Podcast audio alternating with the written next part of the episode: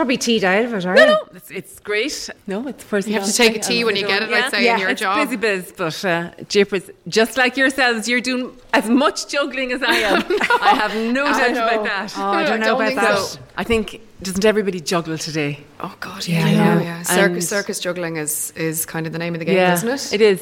Yeah. But you know what? It's good to be able to do it. There'll become a time when we. Well, do you know that's so funny. things. I always Yeah. think that. I kind of go, Yeah. even the days when I'm like, I'm Yeah. actually going to merge Yeah. or I have to do another thing. I kind of go, Yeah. it will come to that Yeah. stage when there'll be. Yeah. There's a there's a lovely poem. It's called Suv Milish, and um, it's Oh, about. Uh, do you know that poem where yeah. the child puts the, the jam, jam on the things. yeah, and you're going ballistic because the jam is on it, and then you're saying there'll come the day like Yeah. there'll be no, No jam, and jam. there'll be no I child, know. like you know. Know. So it's kind of like that, isn't it? It you is. know? Well, your job though, you're never off. Like I've gotten to the point maybe two years ago where I had to say, We're not recording now, are we? Oh, we are, yeah. Oh no. Oh, But see, we never, we never really kind of start with the pod. We just blab. We're just chatting. Oh really? Yeah. But you're you're never off in your job. I know there's many jobs out in the country like that, but it's it's a unique enough job where you're never really off. And a couple of years ago, well, we've both done this, Jenny, where we've had to step back and go, I can't, I can't work all the time. So I'm kind of amazed at someone who can keep going. I think, though, truly, as I said earlier, that I, I think everybody is on that very fast paced juggling of the world and juggling of sometimes in life opportunities present themselves. Yeah, they do. And you just got to seize it and you just got to go for it. Mm. And that was true in my own case, whether it was being elected to the Dáil or being asked by the Taoiseach at the time, Micheál Martin, to become Minister for Education. It's an, it's an opportunity. So I embraced it and I took it, and there are challenges with it. But there's so many positives with it as well. And just like anybody else doing a day's work, I think it's quite similar. We give it the absolute best that we can, and we hope that we're we're doing the best that we can for everybody that we're working for and everybody that we're working with. So mm. um, I wouldn't change it. And we have to say thank you so much for seeing us because mm. the funny thing is, so last week we were recording the podcast mm-hmm. and Mairead and I once again were talking about mobile phones and kids and the stresses and we were answering messages that had come into the podcast. And you said, right? Yeah, I said we should just get in touch with the Minister for Education. We should contact Norma Foley and just see if she'll hear us out. Now, I was half joking. She was half joking. I was half joking, and after the podcast, I said maybe we should. And now we're a week later and we're sitting in your office. So thank you so much. Having a cup of tea and a scone. this is great. how it can work. I'm, I'm only delighted because it is it is in my best interest. I travel the length and breadth of the country and I meet with staff and I meet with students and I meet with mm. parents. And just like yourselves, I've got to say one of the top two or three agendas will always be the item that comes up around the mobile phone. So Yeah. I think more than ever people are very conscious of the mobile phone and you are as parents as well and dealing with it at home and so this is a space that we're very conscious of in education as well. I think both of us, Jenny and I, were were hoodwinked uh, on our on our eldest. They're both sixteen. So my son Dara would have. I, I, I kind of caved to the pressure and gave him one a couple of months into first year. But I think you know those just a couple of years on, even in those four years now, we know so mm-hmm. much more.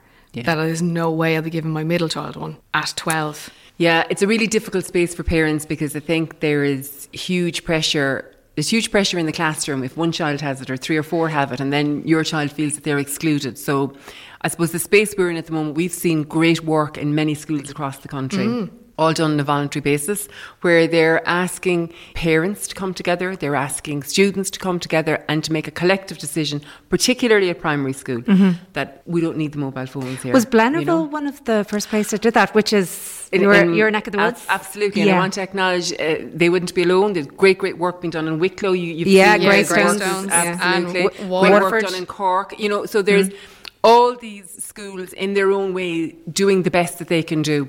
But I think there's great power in the collective. And the more schools that come and engage in this, but equally so, it's a sharing of the load when you bring the parents on board as well. Because I think parents can feel very isolated at home, trying to manage, particularly a primary school child who wants the mobile phone, who's able to say, Well, everybody in my class has one. I am the only one that doesn't have it. And I think that makes it much more difficult. So we are, as a department, we have looked at this, we have looked at best practice in lots of schools, and then we've seen the, the, need for education, the tools, the supports. So what we've done is we've engaged with an excellent organisation called Webwise, mm-hmm. who work in the area of online safety, and we are resourcing them to work directly with schools, to work with parents. We'll reach out then as well via the education centres. So we will have Webwise will have a national coordinator, then they will have regional uh, they're calling them digital citizenship champions. And all of these people will provide the information, if you like, will provide the education to parents via the schools to, you know, make informed decisions. Mm. I have always found myself, um, you know, from a school point of view, when you work with young people, and when you give them the information, when you invite them into the system and let them be active participants rather than telling them, mm-hmm. they'll always rise to the occasion. And the trick is we don't always invite them in. Yeah. We tell them, you know, these are the rules rather than explaining why and where we've come from. And so that's the tack we want to take here. It's about providing the information, giving leadership to the young people themselves, but also supporting parents who are very much in the space of wanting to make the right decision and the informed decisions. And also, I suppose, from a school's point of view, schools can't do it on their own. They no. absolutely can't do it on their own. It's, it's um, a kind of that schools can't do it yeah. on their own, and I feel parents can't do it on their own That's either. Just it. They just yeah. We we need each other. That's just it. And and I say that in relation to everything that I do here in the department. There is power in the collective. It's interesting. I was talking to the headmaster of my daughter's school, and they introduced this year in September the Yondr pouches. Oh yes, yeah. yeah. So I just said, How did you go about this? I said, mm-hmm. By the way, I'm a fan. I said, So mm-hmm. I'm not giving out. But yeah, I wondered, yeah. I said, because there was no email sent out and we, mm-hmm. you know, it literally just happened. It yeah. was just happening. And then he spoke about that, that the teachers, firstly, they informed themselves. They mm-hmm. looked at, you know, different scientific papers. They then went to the student council, which I went, That's key. Mm-hmm. So he said they got kickback from fifth and sixth years, mm-hmm. that they were like, We're seniors now. We don't think this is fair. And, and he said that their belief was it had to be an all in in. Mm-hmm. It had to be the whole school. So he said, I know you don't like it, but you have to lead by example, and this is the way it's going to be. He then spoke to the PTA, told them, and then that was it. That was, was, it. Done. It was yeah, done. Absolutely. Yeah. I, and and in fairness, a, a, lot of the post primary schools are actually doing that. Mm. But I think if we are to win the war long term, we've got to start with them younger as well. Oh, I think so. Totally um, agree. So yeah, my, yeah. yeah, mine has just started. My my yeah. youngest has just gone in, and she talks. She's five, and she talks. You know, when you know when will I get a phone? Yeah. You know, and like, yeah. my God, I hate that she's even asking that question. It's so much part of their world. Yeah. And the other thing I'll say about them because I, I watch like they're whizzes on it. Like anything mm-hmm. to do with technology, I think this generation are born with a natural inclination towards technology. So.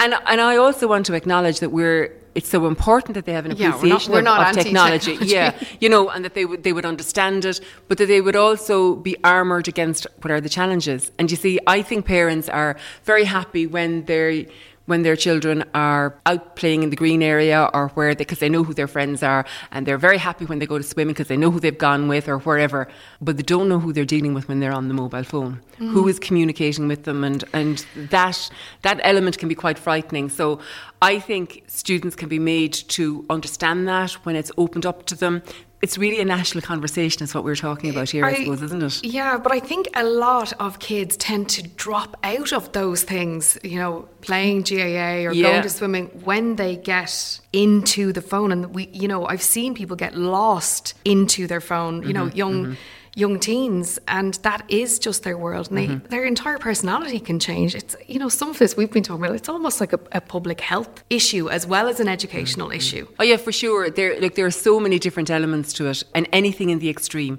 and that's the difficulty I suppose now anything in the extreme and lots of kids are very much almost addicted, addicted and yeah. in inverted commas I suppose now but ad- addicted to their mobile mm-hmm. phones so really if we can educate them to say here's a resource it can be a wonderful resource you don't necessarily need it when you're six and seven and eight and nine. Mm. You know, maybe it's something later on when they go, and then when they're in the, the post primary side of it, you have these pouches that they can work.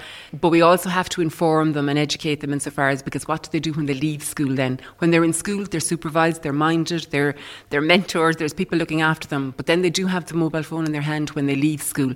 So we're really, really trying beginning with the primary school and obviously supporting it post primary as well, the education side of it. You Yeah. know, be informed, know know what you have in your hand when you have the mobile phone, and also trying to alleviate the pressure for parents where if you can get the whole class to buy into it, then it's a community buy-in. So, you know, Jenny was talking about your school, um, and in our local um, primary school, what they have done is they've asked the parents and the kids to agree, all of them collectively agree, it's either Christmas of sixth class, confirmation in sixth class, or graduation. And even that made me sad when I heard mm-hmm, that mm-hmm, because mm-hmm. it's still giving them the go ahead At to that- get yeah. it in sixth class. And while that's probably slightly better than when you know when my son was at that age, it's still I don't think that's good enough. I Yeah. just don't think it's good enough. But maybe if we can get in early enough with the information to them and that they've all bought into this, maybe they'll say, well, do you know what? We don't need it at this point in mm. sixth class. We might wait until whatever. We're not really talking about it's, it's not an out and out ban mm-hmm. here because if you ban something, I think that can have negative connotations as well. It is about information, it is about education. And I think if we've brought children with us as far as we've got them into sixth class, I think, you know, we might be able to bring them the distance so that it's after sixth class, maybe when they've gone into post primary or whatever. But it's a job of work, there's there's no doubt about it. We can't and we won't be able to achieve it overnight and it won't happen by magic. So that's why the resources via WebWise, that's why we need this national director from a WebWise point of view. And then we'll say the regional champions and appreciating the work that the education centres around the country can do. So it's so ask- many different tentacles, I suppose, really. What will be in that support? So, what will it offer to parents? Is it going to tell them, you know, the almost scary statistics that are there? Yeah, I think it, it will have all of that and it will have more. It will have, for example, there will be templates, for example, in saying that, and if your school will do this, mm. this is kind of the contract of agreement that we would ask. Not just the parents, because the students have to sign up to this as well. We want them to be part of it. And I have seen, for example, some schools very successfully, you know, at post primary, they often give them the school rules and they ask them to sign. You know, they have to mm-hmm. sign mm. for the school rules or whatever. And they um, did that in Portlaw, didn't they, with the Yeah. Gen Free? Yeah, yeah. So people were actually putting it up in their windows at home as well as yeah, the yeah, school. Yeah. So, but before we'd ask them to sign anything, I think we need to tell them what, what, we're about and why mm-hmm. we're doing it, and that's the agenda. And it's also to ensure that the staff themselves, okay, right in school, I, I, don't feel that they should feel this is something else that they're taking on. Mm. I think they should be able to point to, oh, well, this is happening in the education centre. There will be, you know, uh, information provided for parents, information for schools, or whatever. And I couldn't tell you as I sit here what all the questions that will be from parents. I, I don't know. Mm. It's just even from talking to some teachers. I, I was talking to a teacher who has been a teacher for a long time and has experienced teaching primary school kids when there have been no phones mm-hmm. and now Yeah. and now and just said it was so much easier mm-hmm. to teach fifth and sixth class when phones were not a thing. I can I can imagine that. But what I will say though is we can't you know close our eyes to the reality of the world in which they live either, because mm. to just say no no no. Can we not? Can we not say no, no, no to them? Because I suppose, in a way, when you enter the school gates every day as a child, you know that there are rules. You know you True. must follow certain rules, be it no running in that corridor or whatever. So it just becomes another rule that this entire area that you're in with your pals, Mm-hmm. where you're there to learn, you cannot have your smartphone with you. And I agree with that. But and I don't really think there's a school across the country at primary mm. level that doesn't say that that they can't have them in school. But I think we need to go a step beyond. It's mm. not what happens in school because I think the staff can control that. And It's outside I the worry school. Where the staff aren't there when they're Yeah. after school mm. and what they're doing when they're with their friends in such and such a place or what they're doing maybe at home or whatever. Yeah. That's that's the piece that I don't think we have succeeded in because the schools I feel are doing a good you know a- Yeah, a, a good job the around best you know they can. You can't you, you know you can't have it here and you can't use it at this time and and if you do I've been in situations where It's the taken. phone is taken from you mm-hmm. and it's in the office and they have there's a whole rigmarole to try and get the phone back so I think to an extent you can control it within school But, in a weird you way, know- isn't it? Like um, what you were saying there, it's about informing parents. Yep. So they're kind of the people that you need to bring on board, even though it seems that most of the things that we've read in the newspaper when we were looking at, like I think the Indo did one, it was like the Indo did 94%, one, uh, it was, was, it? two or three weeks ago. Sunday Indo, uh, I shot it and sent it to Jenny, saying, Yeah. "Look, there's obviously loads of parents agree." Uh, they were ninety percent of them polled said that no child of a primary school age should have Mm-hmm. a mobile phone. Yes. People. Most of the schools, I think, Mm-hmm. like what you're saying there, they have actually bought into this because they see the benefits. And they also recognise with things like cyberbullying, particularly like in about fifth and sixth class, Mm-hmm. But it's outside of the school then. So when they come home, if Yeah. they go, okay, here, I'm going to get my phone now, and that's when the problems arise. And, that is- then they bring yeah. it into the classroom. Yeah, Yeah. agreed. Look, I, I suppose we, we could either continue as we are and mm. say, well, look, in school, this is, you know, they're not using them in school or whatever, by and large. Or we can be proactive in this space. And I think parents will really welcome the fact that the parent next door or the parent, you know, five doors down or in the classroom, that they're on the same wavelength. And Yeah. so it's just really, I think, to boost the confidence of parents as well when they're making this decision at home that it's not a unilateral decision just in their house, that everybody in the community, you know, the, the expression, and I- know that they've used it in Yeah. Greystones about, you know, it takes a takes a village. village. It does, it does so, take a village. And every, I've always felt that the school is a community in the first instance, and I've also felt it always, a good school operates like a family. So we need the whole family to buy into mm. this. No point in just some members of the family buying into it. And we should never forget that parents are part of the school family as well. So all of us buying into it will make it that little bit easier, I hope. And what I will say as well, I know that as we go through this, other things will emerge, you know, gosh, you know, something that we went, might not have foreseen or whatever. So then we'll change and we'll be flexible and we'll move in other direct, you know. So there will be great learning from this as well. But we need to take the first step because Yeah, if we don't, there won't be a second. And I think that for so many parents, like how we started our chat, was saying mm. like that there are so many parents out there who are genuinely stressed and upset mm-hmm. about the mobile phone. And I suppose to look towards government for guidance and direction in that makes it so much easier at home. If I can turn around to Tom, age 11, and go, actually, I'm sorry, the minister said you can't have a mobile phone. so it's not your happening. And I I'm going to use that line. And I'm very happy to take that. Thank you very much. I will use that line. No, but I, I no, I, I do, I, I do appreciate that. I think it's a very lonely path to be walking when you are the only person, Yeah. you know, uh, Saying trying no. to, yeah, saying no. And it's, and I'd really like to get to a space where it's more than saying no. It's explaining why, we are where we are. And will or do Webwise have a recommendation of what age is appropriate? Because you hear all different things. Yeah. You know, you hear Yeah. it's kind of up to TY. It, it would be amazing to get them to that age, but then there obviously has to be a learning Mm-hmm, to understand how to use be it social media Yeah. or you know any other content that you come across. But is there is there a recommended age? I, I think parents, to be fair, can Know judge the situation best. yeah, okay. Absolutely. I would always say that. But I think it is probably cleaner first in the primary schools if we can get all of the primary school signed into it. Yes. And I 100% accept it's a very different world at post primary. Yeah, it and so we need to find other mechanisms and other ways and, and all of that. But equally so at post primary, it has to be about information. It has to be about them knowing what it is to be safe, to be online. And this is very much part of, you know, all the new guidelines we brought into our schools. Be safe online, how to be safe. I think it would be a retrograde step just to say you can't ever use the mobile phone because we all know. I'd love that we- uh, well, but we all know it's very much there. Like, and, and I know that some parents, for example, like their children to have it from a security point of view. You know, if, if they're know. going here, they're going there, whatever. So, look, but again, like I just say, I'm like we're just saying it how it is. Like, and we say this the whole time. There is absolutely no need for a primary school child to have a smartphone. You know, Nokia, whatever those Yeah, ones are, exactly that. If you're walking home from They'll school, I understand that. Yeah, but For I think it's the smartphones like that. Yeah. and it's interesting because I was watching. Um, there was an RTÉ show with Richie Sadlier. I don't know if you Mm-hmm. saw it. It was really, really good, and it was about the sex education in schools. But it got me thinking. I was like, there. Then I think they could possibly think about introducing class within schools about ethics and morals when it comes to mobile phone use. Mm-hmm. I mean, that would be a really strong and powerful class. I think. Well, uh, interestingly, that you'd even mention that that program in particular because great, great program. Yeah. And just want to acknowledge, I suppose, that so, for example, we have brought in new procedures, new guidelines into our schools now, beginning with third years. There's, uh, you know, first to third.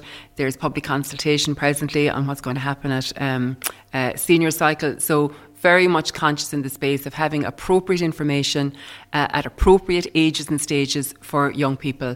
But specifically in relation to the mobile phones, I suppose I'd say that there, there's also this thing about appropriate at the stage, not, I suppose, you know, even around you say there about ethics and safety and everything else. That's very much part of this new SPHE type of curriculum that we're moving uh, moving forward with.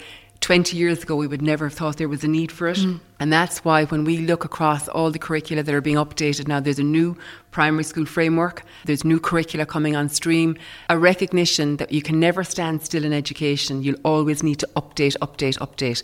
So part of their world now are the mobile phones. Mm. So they will very much so be engaged on online safety and security and, and all of that. It's actually parents now who are going to be educated. Mm. I know that sounds a bit, yes. you know, educated, yes. finger pointing, yeah, yeah. but not at all. It's more about saying what you can talk to your children about. You mm-hmm. can be open about the fact that no, they're not getting the mobile phone for mm-hmm. these reasons. reasons. Mm-hmm. And exactly what you said, if everybody is tending to buy into that from a mm-hmm. primary perspective, yeah. Mm. you've kind of got, you've started the conversation earlier. Yeah. And I suppose always we would accept the the parent makes the ultimate decision. Mm. That's that is the thing. The parent or the guardian makes the ultimate decision.